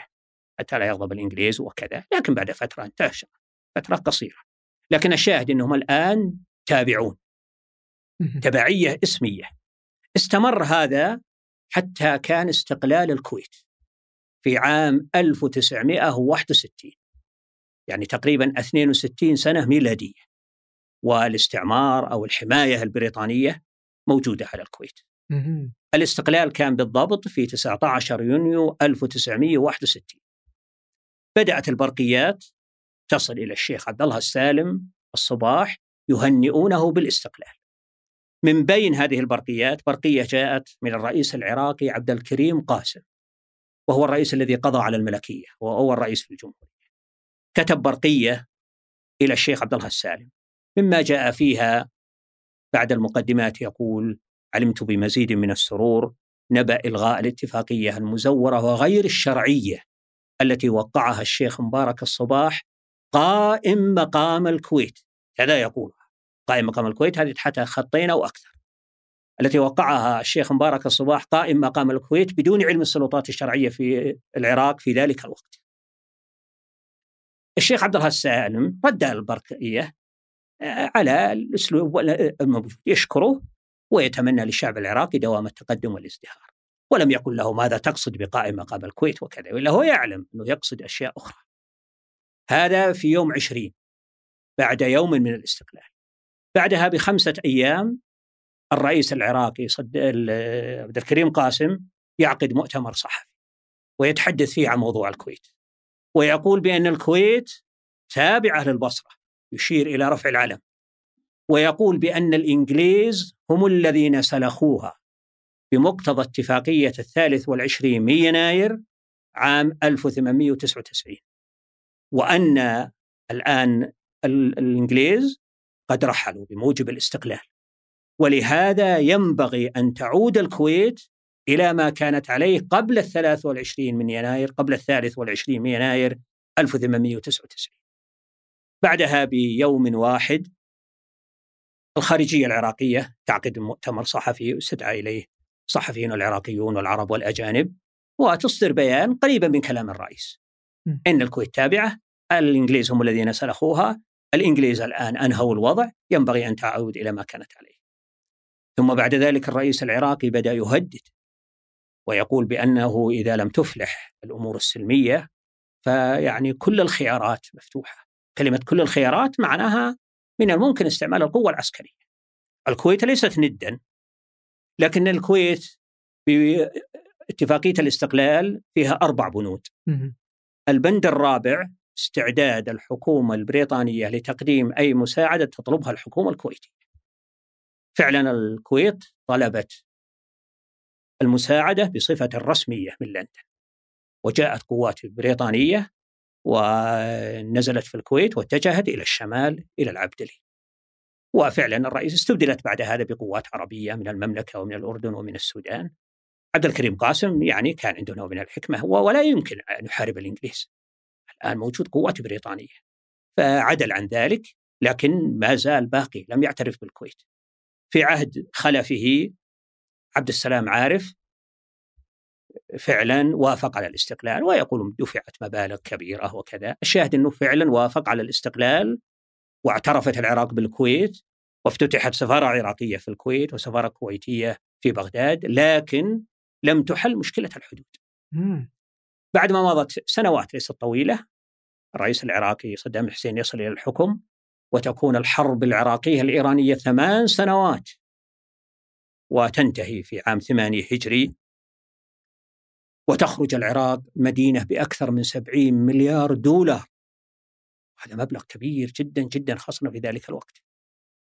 ويعني الرئيس لم يوفق على كل حال. ويبدو أنه فعلا كان رأيه يعني لا يستشير به. وإلا لو استشار لوجد من يشير عليه بعدم غزو الكويت أن هذا سيسبب مشاكل. لكن هو يرى الآن أن الآن العراق مدينة ب 70 مليار جزء منها للكويت والكويت رفضت أن تسامح العراق في هذا المبلغ لكنهم قالوا كما يقال يعني من عسر إلى يسر لن نطالبكم الآن. لكن رأى أن هذه المبالغ كبيرة جدا ورأى الآن أن هناك شبهة في مسألة تبعية الكويت وإن الكويت الآن ضعيفة جدا جدا من الناحية العسكرية وغنية جدا جدا من الناحية المادية وأنه لو أخذ الكويت ستحل المشاكل كلها المشاكل المادية وكذلك الميناء أيضا. ميناء العراق على الخلاج على الخليج صغير فلو أخذت الكويت سيكون هناك ميناء كبير. فبدأ يتحدث في عام تسعة وعام عشرة عن أن الكويت تسرق بترول العراق.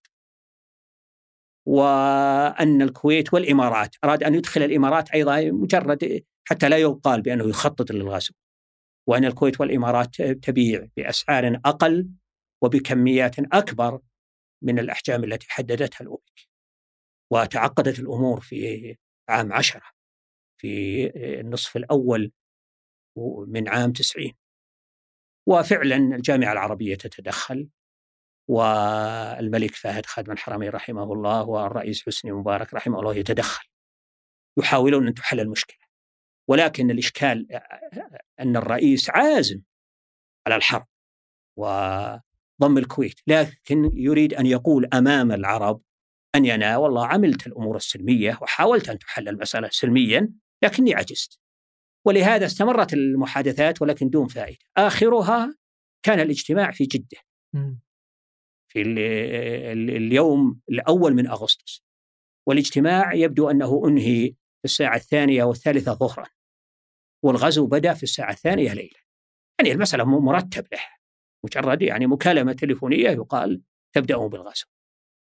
وفعلا كان الغزو في الحادي عشر من محرم 1411 الثاني من أغسطس عام 1990 طيب أنا ودي أرجع للنقطة. آه... أنت تقول أن طلابك يزعلون إذا أنت تكلمت عن الاستعمار الإنجليزي وش؟ لا أنا أقول أي أحد يعني ما يفهم مني أن المسألة ثناء على الإنجليز. الاستعمار كله سيء إيه، لكن الإنجليز الإنجليز لا يقارنون بالمستعمرين الآخرين الفرنسيين مثلا يفرنسون المنطقة التي يعيشون فيها. ولهذا ترى بلدان المغرب بلدان المغرب عام 62 لما كان الاستقلال مثل الجزائر وقبلها بعدة سنوات بعض بلدان المغرب. الناس هناك يتكلمون الفرنسية حتى كبار السن بعضهم لا يتكلم العربية. أما الإنجليز أبدا ما كانوا يتدخلون في هذا. وكذلك الاستعمار نفسه أيضا. أيضا ليس ثناء على الإنجليز لا شك. لكن الآن الفرنسيون ما خرجوا إلا بالقوة وبالحرب بل هناك مليون قتيل أو كما يسمى شهيد من الجزائريين. لكن الإنجليز هم الذين خرجوا من الخليج. هل أخرجوا بالقوة؟ أبدا. قد يقول قائل لماذا يخرجون؟ كيف يخرجون؟ والآن يعني البترول بدأ يستخرج وهكذا. هو الحقيقة أن الاستعمار في القرن الثامن عشر والتاسع عشر ليس كالاستعمار في القرن العشرين. يعني دول الاستعمار كانت في حل. تأخذ كل ما تريد. لكن أولا أن الإنجليز وحتى الفرنسيين هذا يعده المؤرخون من نتائج الحرب العالمية الثانية. ضعف الحركة الاستعمارية العسكرية. ما تقول أنه ما زال هناك استعمار اقتصادي هناك استعمار ثقافي هذا ربما إلى أيامنا ما زال موجود. لكن الحركة الاستعمارية العسكرية هذه ضعفت بعد الحرب العالمية الثانية. لأن الإنجليز كانوا هم رواد العالم هي الإمبراطورية التي لا تغيب عن أملاكها الشمس. فعلا ما تغيب الشمس أبدا. لأنهم يستعمرون الولايات المتحدة في أقصى الغرب. ويستعمرون الهند في أقصى الشرق. فإذا غابت عن الولايات المتحدة إذا هي ساطعة في الهند. وهكذا. لكنها ضعفت بعد الحرب العالمية الثانية وظهرت قوتين قوة الولايات المتحدة والاتحاد السوفيتي. وأيضا الآن بعد الحرب العالمية الثانية أسست هذه الدول الخمس ومنها بريطانيا وفرنسا لكن الحديث عن بريطانيا. أسسوا هيئة الأمم المتحدة. ولهذا هذه الدول هي صاحبة الفيتو الآن. لأن هي المؤسسة وتحدثوا عن حقوق الشعوب. ولهذا لا بد أن يلتزموا بما هم اقترحوه. ولهذا صاروا يتعبون من استعمارهم لهذه الدول أكثر مما يربحون. بعد الحرب مباشرة بمدة قصيرة استقلت الهند. في عام 61 استقلت الكويت فيما يتعلق بالخليج. بعدها بعشر سنوات استقلت البلدان الأخرى كلها البحرين وقطر والمشيخات وعمان. مع أن المشيخات بالذات يعني البحرين وقطر وعمان يرحبون لا شك بالاستقلال لكن المشيخات وضعها صعب. يعني المشيخات تقصد هي الإمارات. الإمارات السبعة المعروفة الآن. هل كل إمارة ستكون دولة؟ يعني أبو ظبي قد يكون لها مقومات الدولة. دبي نوعا ما. لكن هل ستكون الشارقة دولة؟ رأس الخيمة دولة. عجمان دولة. الفجيره دولة أم القوين دولة هذا لا يمكن. ولهذا يقولون بأن الشيوخ الإنجليز أعلنوا في بداية عام 68 أنهم سوف ينسحبون في عام 71 وحددوه في 31 11 قالوا بأنهم سينسحبون. المشيخاء يعني أمر عجيب. الشيوخ أنفسهم يطلبون من الإنجليز أن يؤخروا الأمر عدة سنوات حتى أبدوا أنهم مستعدون لأن يدفعوا مبالغ لهم. لأنهم الآن تحت مظلة الإنجليز. لكن إذا خرجوا سيكون هناك إشكال. كيف ستتولى هذه؟ ولكن الإنجليز أفهموهم أنهم سيخرجون. ولهذا فعلا بدأ الشيخ زايد رحمه الله اجتمع مع دبي فكان الاتحاد الثنائي. وطلبوا من المشيخات بل حتى من قطر والبحرين دخلوا معهم فكان اتحاد سباعي. ثم بعد اتحاد تساعي الامارات السبع وزيادة قطر والبحرين. لكن في عام لما استقلت البحرين لما استقلت البحرين وقطر خرجوا من الاتحاد. فعاد الاتحاد السداسي الإمارات السبع باستثناء رأس الخيمة. بعدها رأس الخيمة بشهرين أو ثلاثة دخلوا في الاتحاد. فهذا يعني الموجود الآن هذا الاتحاد من أفضل ما وجد. ليس هناك شيء أفضل منه. مع أنه ما يمثل دولة الحقيقة كاملة كدول الخليج. يعني الاتحاد القائم بين الإمارات السابع هو في الشؤون الخارجية والدفاع ولكن هذا هو الأساس. أكبر دولة في العالم الآن الولايات المتحدة الاتحاد فيما بينها في الشؤون الخارجية والدفاع والا كل ولاية لها شؤون خاصه ولها حاكم. ولها حاكم ولها كذا لكن الشؤون الخارجية والدفاع واحدة. كذلك دولة الإمارات. يعني رئيس الدولة ما يمكن أن يتدخل في دبي ويقول نعين عليها الأمير فلان. دبي خاصة بآل مكتوم. الأمير هو الذي يولي ولي عهده وإذا تولى ولي العهد يعين ولي عهد آخر. في الشارقة ورأس الخيمة القواسم في الفجيرة الشرقي المعلى في أم القوين وهكذا والنعيمي. فكل الأسر هذه هي التي تحكم. لكن الشؤون الخارجية والدفاع ولهذا حتى ما يتعلق بالشؤون الداخلية الآن ربما تغيرت. لكن قبل يعني عشرين سنة تلاحظ فرق كبير بين دبي وبين الشارقة. دبي منفتحة أكثر من اللازم والشارقة محافظة. مع أنها ليس بينها إلا عشر كيلومترات الآن صار شارع. وإلا قبل أربعين سنة كان هناك يعني عشر كيلو لكن الآن هي واحدة مجرد شارع فقط. ولا تعلم هل أنت في دبي أم أنت في الشارقة. لكن الشاهد ما زالت الشارقة أكثر محافظة. فالنظام ليس واحد. كل إمارة لها نظام خاص فشاهد أن الإنجليز على كل حال يعني أفضل بكثير لا شك ومعاملتهم للناس أفضل بكثير. من غيرهم. من غيرهم. طيب أنا ودي أعرف آه، سبب. الآن آه، يعني نعلم أنه آه، الخليج تم استعماره من قبل الإنجليز إلا أن السعودية لم تستعمر. نعم. وش السبب اللي خلى الإنجليز يتركون السعودية في حالها؟ نعم. كل البلدان العربية بل والإسلامية كلها استعمرت. إلا هذه المناطق. يعني بالنسبة لنجد من سيأتي يستعمر صحاري لا فائدة فيها. الحجاز مكة والمدينة هذه فيها حساسية دينية. سيكون فيها حساسيات دينية. لو أنهم غزوا يعني مكة والمدينة لا نعم. شك أن المسلمين سيثورون عليه هم يعلمون هذا يقدرون الأمور. ولهذا يرسلون الآن هم يعني بعض اللي نسميهم بالرحالة هؤلاء يأتون وفعلا خدموا. بالنسبة للمعلومات التي أوردوها. يرجع لهم الفضل في بعض الموضوعات. لكن لا شك أنهم يكتبون بعض الأشياء التي يفيدون بها حكوماتهم. ففقط كان السبب أنه ما لقوا فيها شيء أصلا. بالنسبة لنجد ليس فيها فائدة لهم صحاري. ماذا يستفيدون؟ حتى الإحساء حتى الإحساء هذه يعني بالنسبة للموانئ عندهم موانئ أخرى غيرها ماذا سيستفيدون؟ منها؟ فكان هذا السبب. يبدو أن هذا هو السبب وإلا كل المناطق أبدا. حتى اليمن الشمالي أتعبتهم. لأن اليمن الشمالي إلى يومنا هذا لا يمكن يحارب فيها إلا أهلها الذين يعرفون جبالها. لهذا الأوروبيين تعبوا فيها العثمانيين تعبوا فيها الرئيس جمال عبد الناصر تعب فيها في اليمن. فاليمن لا يحارب فيها إلا أهلها. لأن أهل مكة أدرى بشعابها وأهل اليمن أدرى بجبالها وتضاريسها. أوكي. طيب بالنسبة للتقسيم للحدود والخليج فهذا برضو اشتغلت عليه بريطانيا الإنجليز. نعم.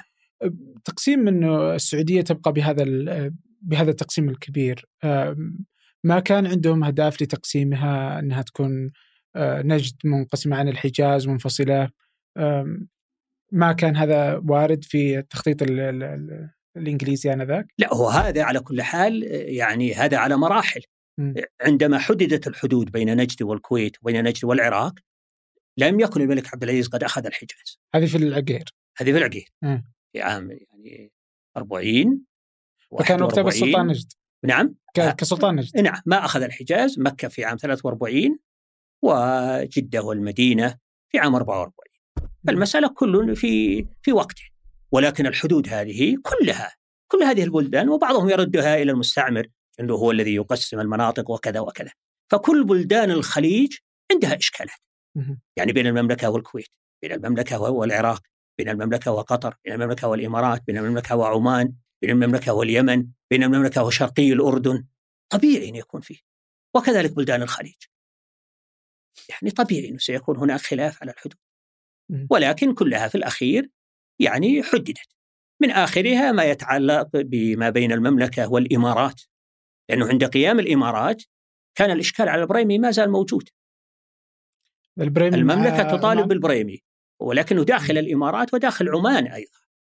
ولكن بعدها بثلاث سنوات اتفق الملك فيصل مع الشيخ زايد رحمهم الله على حل الإشكال حيث أن المملكة تتنازل عن البريمي لكن الإمارات تتنازل عن الأرض التي بينها وبين قطر.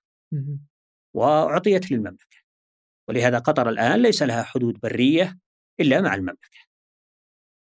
فمسألة الحدود هذه وارده ولكن كما قلت قبل قليل عند المقارنة مع الخلاف على الحدود إن الحدود يعني أنتم تنازلوا كذا ونحن نتنازل كذا وتسير المسألة لابد من هذا ممتاز طيب آه, آه، في آه في مقالة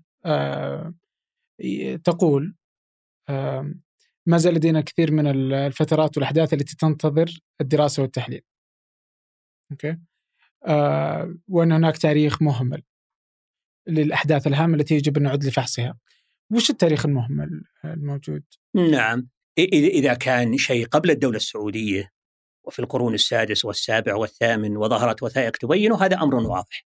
أما عندنا في تاريخ الدولة السعودية بعضهم يردد هذا الكلام. وأن التاريخ لم يكتب الآن وكذا وكذا. ربما صحيح في بعض الموضوعات.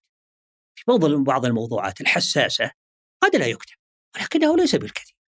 أنا أعتقد أن تاريخ الدولة السعودية في مراحلها الثلاثة الآن يعني كتب ولكنه يحتاج. إلى زيادة كتابه ولا توضيح في بعض الأشياء.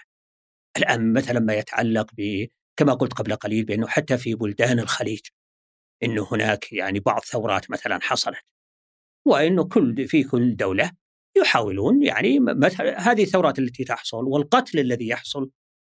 عندنا مثلا في الدولة السعودية الثانية القتال الذي حصل بين الإمام عبد الله وأخيه الأمير سعود. قد تكون هناك بعض الأشياء يعني غير واضحة تماما. مع أنه تم الحديث عنها لكنها هذه ثورة فيها دماء. كذلك بالنسبة للكويت مثلا. الشيخ مبارك الصباح رحمه الله ثار على أخويه محمد وجراح وقام بقتلهما. هذه المسألة لا شك أنها صعبة وقتلهما في غرفتي نومهما. المسألة ليست سهلة لا شك. وربما أنه يعني ما يكتب عنها بالتفصيل وهكذا. والذي حصل من المعارضة أيضا. والمعارضة أيضا تتهم الشيخ مبارك بأشياء كثيرة حتى من الناحية الدينية والاجتماعية. لكن دائما الإنسان ما يتحدث لأنه يخشى أن المعارضة لها دور في ذلك. لكن لا شك أن الشيخ مبارك رحمه الله وعافى عنا وعنه مسؤول عن التغير الاجتماعي الذي حصل في الكويت. لأن الكويت في عهد سابقه الشيخ محمد مع أنها يعني بلدة ساحلية دائما بلدان السواحل تكون تتصل بالأجانب لكن مع هذا كانت بلدة ممكن أن توصف بأنها مغلقة. ومثل بلداننا في نجد في الزمن السابق ليس الزمن الآن. لكن في عهد الشيخ مبارك تغير الوضع. وبدأت يعني بدأ الترف في الكويت. من الأمثلة عليه كان هناك مناسبة زواج في عام 26 للشيخ حمد مبارك ابن الشيخ مبارك وحفيده عبد الله السالم مبارك. وبدأت الاحتفالات منذ يوم السادس والعشرين من ربيع الأول إلى ليلة الجمعة الرابع عشر من ربيع الثاني ليلة زواج حمد مبارك. ثم بعد ذلك إلى ليلة الاثنين السابع عشر من ربيع الثاني. يعني من 26 إلى 17 تقريبا أكثر من 20 يوم. وفي الليل حفلات ويقال بأنه جاء بفرقة موسيقية من مصر بقيادة محمود حمدي الملاوي وهذه كلها ما كانت تعهدها الكويت أبدا. و... هل كان في معارضة مجتمعية؟ المجتمع بدأ يقلده. مم. أولا شيوخ آل الصباح ثم بعد ذلك بدأ التجار ثم بعد ذلك بدأ غيره بالتقليد وهكذا. الشاهد أن الوضع تغير في الكويت بنواحي أنا كما قلت لا أريد أن لأني لا أجزم بالضبط من الذي حصل. هل المعلومات دقيقة؟ أم أن المعارضة لأن أبناء الأخوين القتيلين والشيخ يوسف عبد الله إبراهيم المخالف للشيخ مبارك هم الذين تولوا المعارضة وبقوا في البصرة وقاموا بأعمال ضد الشيخ مبارك لكن ما نجحوا. فهؤلاء لا شك أنهم يتعمدون الإساءة للشيخ مبارك لكن الأمر المؤكد أنه تغيرت الأوضاع في الكويت حتى النواحي الدينية. ولهذا عندنا يعني صار في نجد بعض العلماء وبعض طلبة العلم يحرمون السفر إلى الكويت. هذا عام كم؟ هذا في يعني في الأربعينات وفي الخمسينات وفي الستينات. إلى عهد آه، ليس بالبعيد يحرمون ويهجرون من يسافر إلى الكويت ثم يعود يهجرونه ثلاثة أيام. كله بسبب الأوضاع التي حصلت لا شك. وإلا الكويت كانت كأنها مثل البلدان النجدية. وهذا التغير الذي حصل لا شك أنه المسؤول عنه الشيخ مبارك. ليست الاتفاقية الإنجليزية. الاتفاقية الإنجليزية قد يكون لها بعض تأثير لكن تأثير بسيط. لكن يعني خطط الشيخ مبارك وهكذا وآراؤه ولكن أكرر بأنه ليس كل ما قيل أنهم قالوا أشياء كثيرة تتعلق بالنواحي ليس كل ما قيل يتأكد الإنسان أنه صحيح لأنه يعني ربما أن المعارضة لها يد في ذلك. طيب وش أهمية أنه إحنا نذكر مثل هذه الأشياء؟ وما مدى أثرها على التاريخ في تجاهلها؟ مثلا سواء ما يحصل مثلا في الكويت مثلا هنا لما تكون فيه ضبابية في توثيق الأحداث آه، وإنه أحيانا نتجاهلها وناخذها كذا باختزال. هل إيش الفائدة المرجوة من توثيق هذه نعم. الأحداث؟ هو على كل حال بارك الله فيك. كما قلت حتى مثلا الملك سعود أو غيره يعني. نعم. هو كما قلت قبل قليل عند الحديث عن الهجرة أنه اسباب الهجرة يعني مجرد روايات تاريخية. روايات موجودة عندنا وهناك وثائق. لو عندنا وثائق تثبت هذه الأشياء أصبحت المسألة واضحة. لكن في بعض الأمور ما هناك إلا روايات تاريخية. وتبقى هي المصدر حتى يتبين شيء آخر غيره. فكذلك بالنسبة للكويت أو الموضوعات الأخرى لكن مسألة تعدد الآراء هذا أمر عادي. أن أن تكون عندك إن هذه المسألة ثابتة مثلا بنسبه 100% أو 95 أو 90 أنا عندي بنسبه مثلا 70 ربما بعد سنتين أو ثلاث أنا تزيد عندي النسبة وقد تنقص عندك أنت هذه النسبة هذا أمر عادي. خاصة بالنسبة للتاريخ ما يسمى التاريخ الحديث والمعاصر. أما التاريخ على كل حال آه، الجاهلي أو التاريخ الإسلامي مثلا تاريخ الدولة الأموية والعباسية وكذا يبدو أنه ما هناك وثائق إلا ربما تغير أشياء قليلة. لكن في تاريخنا الحديث والمعاصر لا شك أنه تظهر وثائق وتغير أحيانا فإذا حصل تغيير يعني من الممكن أن يؤخذ به إذا ثبت. وش أهمية دراسة العلوم الاجتماعية وتاريخ؟ تاريخنا هل هي ترف؟ لا ليست ترف. لكن معرفة التاريخ لا شك أنها تفيد في معرفة الماضي في معرفة الحادث وفي توقع المستقبل. ليس المسألة علم غيب لكن الإنسان الذي فعلا يعرف الأحداث وخاصة أصحاب القرارات أصحاب القرار المفروض أنه يعني من الممكن أن يستفيد من يعرفون هذه الأحداث. لأنهم دائما يرددون عندنا ما أشبه الليلة بالبارحة. إنه نفس الذي حصل قبل 100 سنة و150 يحصل الآن. وربما في أحداث متشابهة. أنه إذا حصل كذا سيحدث كذا. فمعرفة التاريخ لا شك أنها أمر مهم. ويعني الدول تعتز بهذا. أنه تاريخها عريق وتاريخها قديم. بين هناك دول يعني قد تكون قوية مثل الولايات المتحدة؟ تاريخها 200 سنة فقط يعني أو 250 ليس هناك تاريخ عريق أو كذا. بينما العراق آلاف السنين وهكذا. لكن كل على حسب. لكن التاريخ لا شك أنه أمر مهم لواقع الحاضر وكما قلت لتوقع الماضي. وأيضا الطلاب مثلا في المدارس وهكذا يعرفون تاريخهم ويعرفون آثارهم لا ما يتعلق بالسياحة مثلا. لا يمكن معرفتها إلا بمعرفة التاريخ. وإلا كيف الأماكن السياحية عندنا التي لها مثلا 200 و300 سنة أو 400 سنة هذه لا يمكن معرفتها إلا بمعرفة المعلومات التاريخية وأناس يكونوا متخصصون في هذه الموضوعات. طيب الله يعطيك العافية. آه شكرا لك. صدق فيه مواضيع مرة كثيرة الله لكن بإذن الله أنها يعني تأتي آه، في حلقات لاحقة يعني بتصور كذا من الأشياء اللي موجودة عندي آه، حملة آه، إبراهيم باشا محمد علي باشا في الجزيرة أثرها يعني أحس المواضيع كثيرة التبلور السياسي الخليجي أحس يبغى لها حديث أكثر وأطول.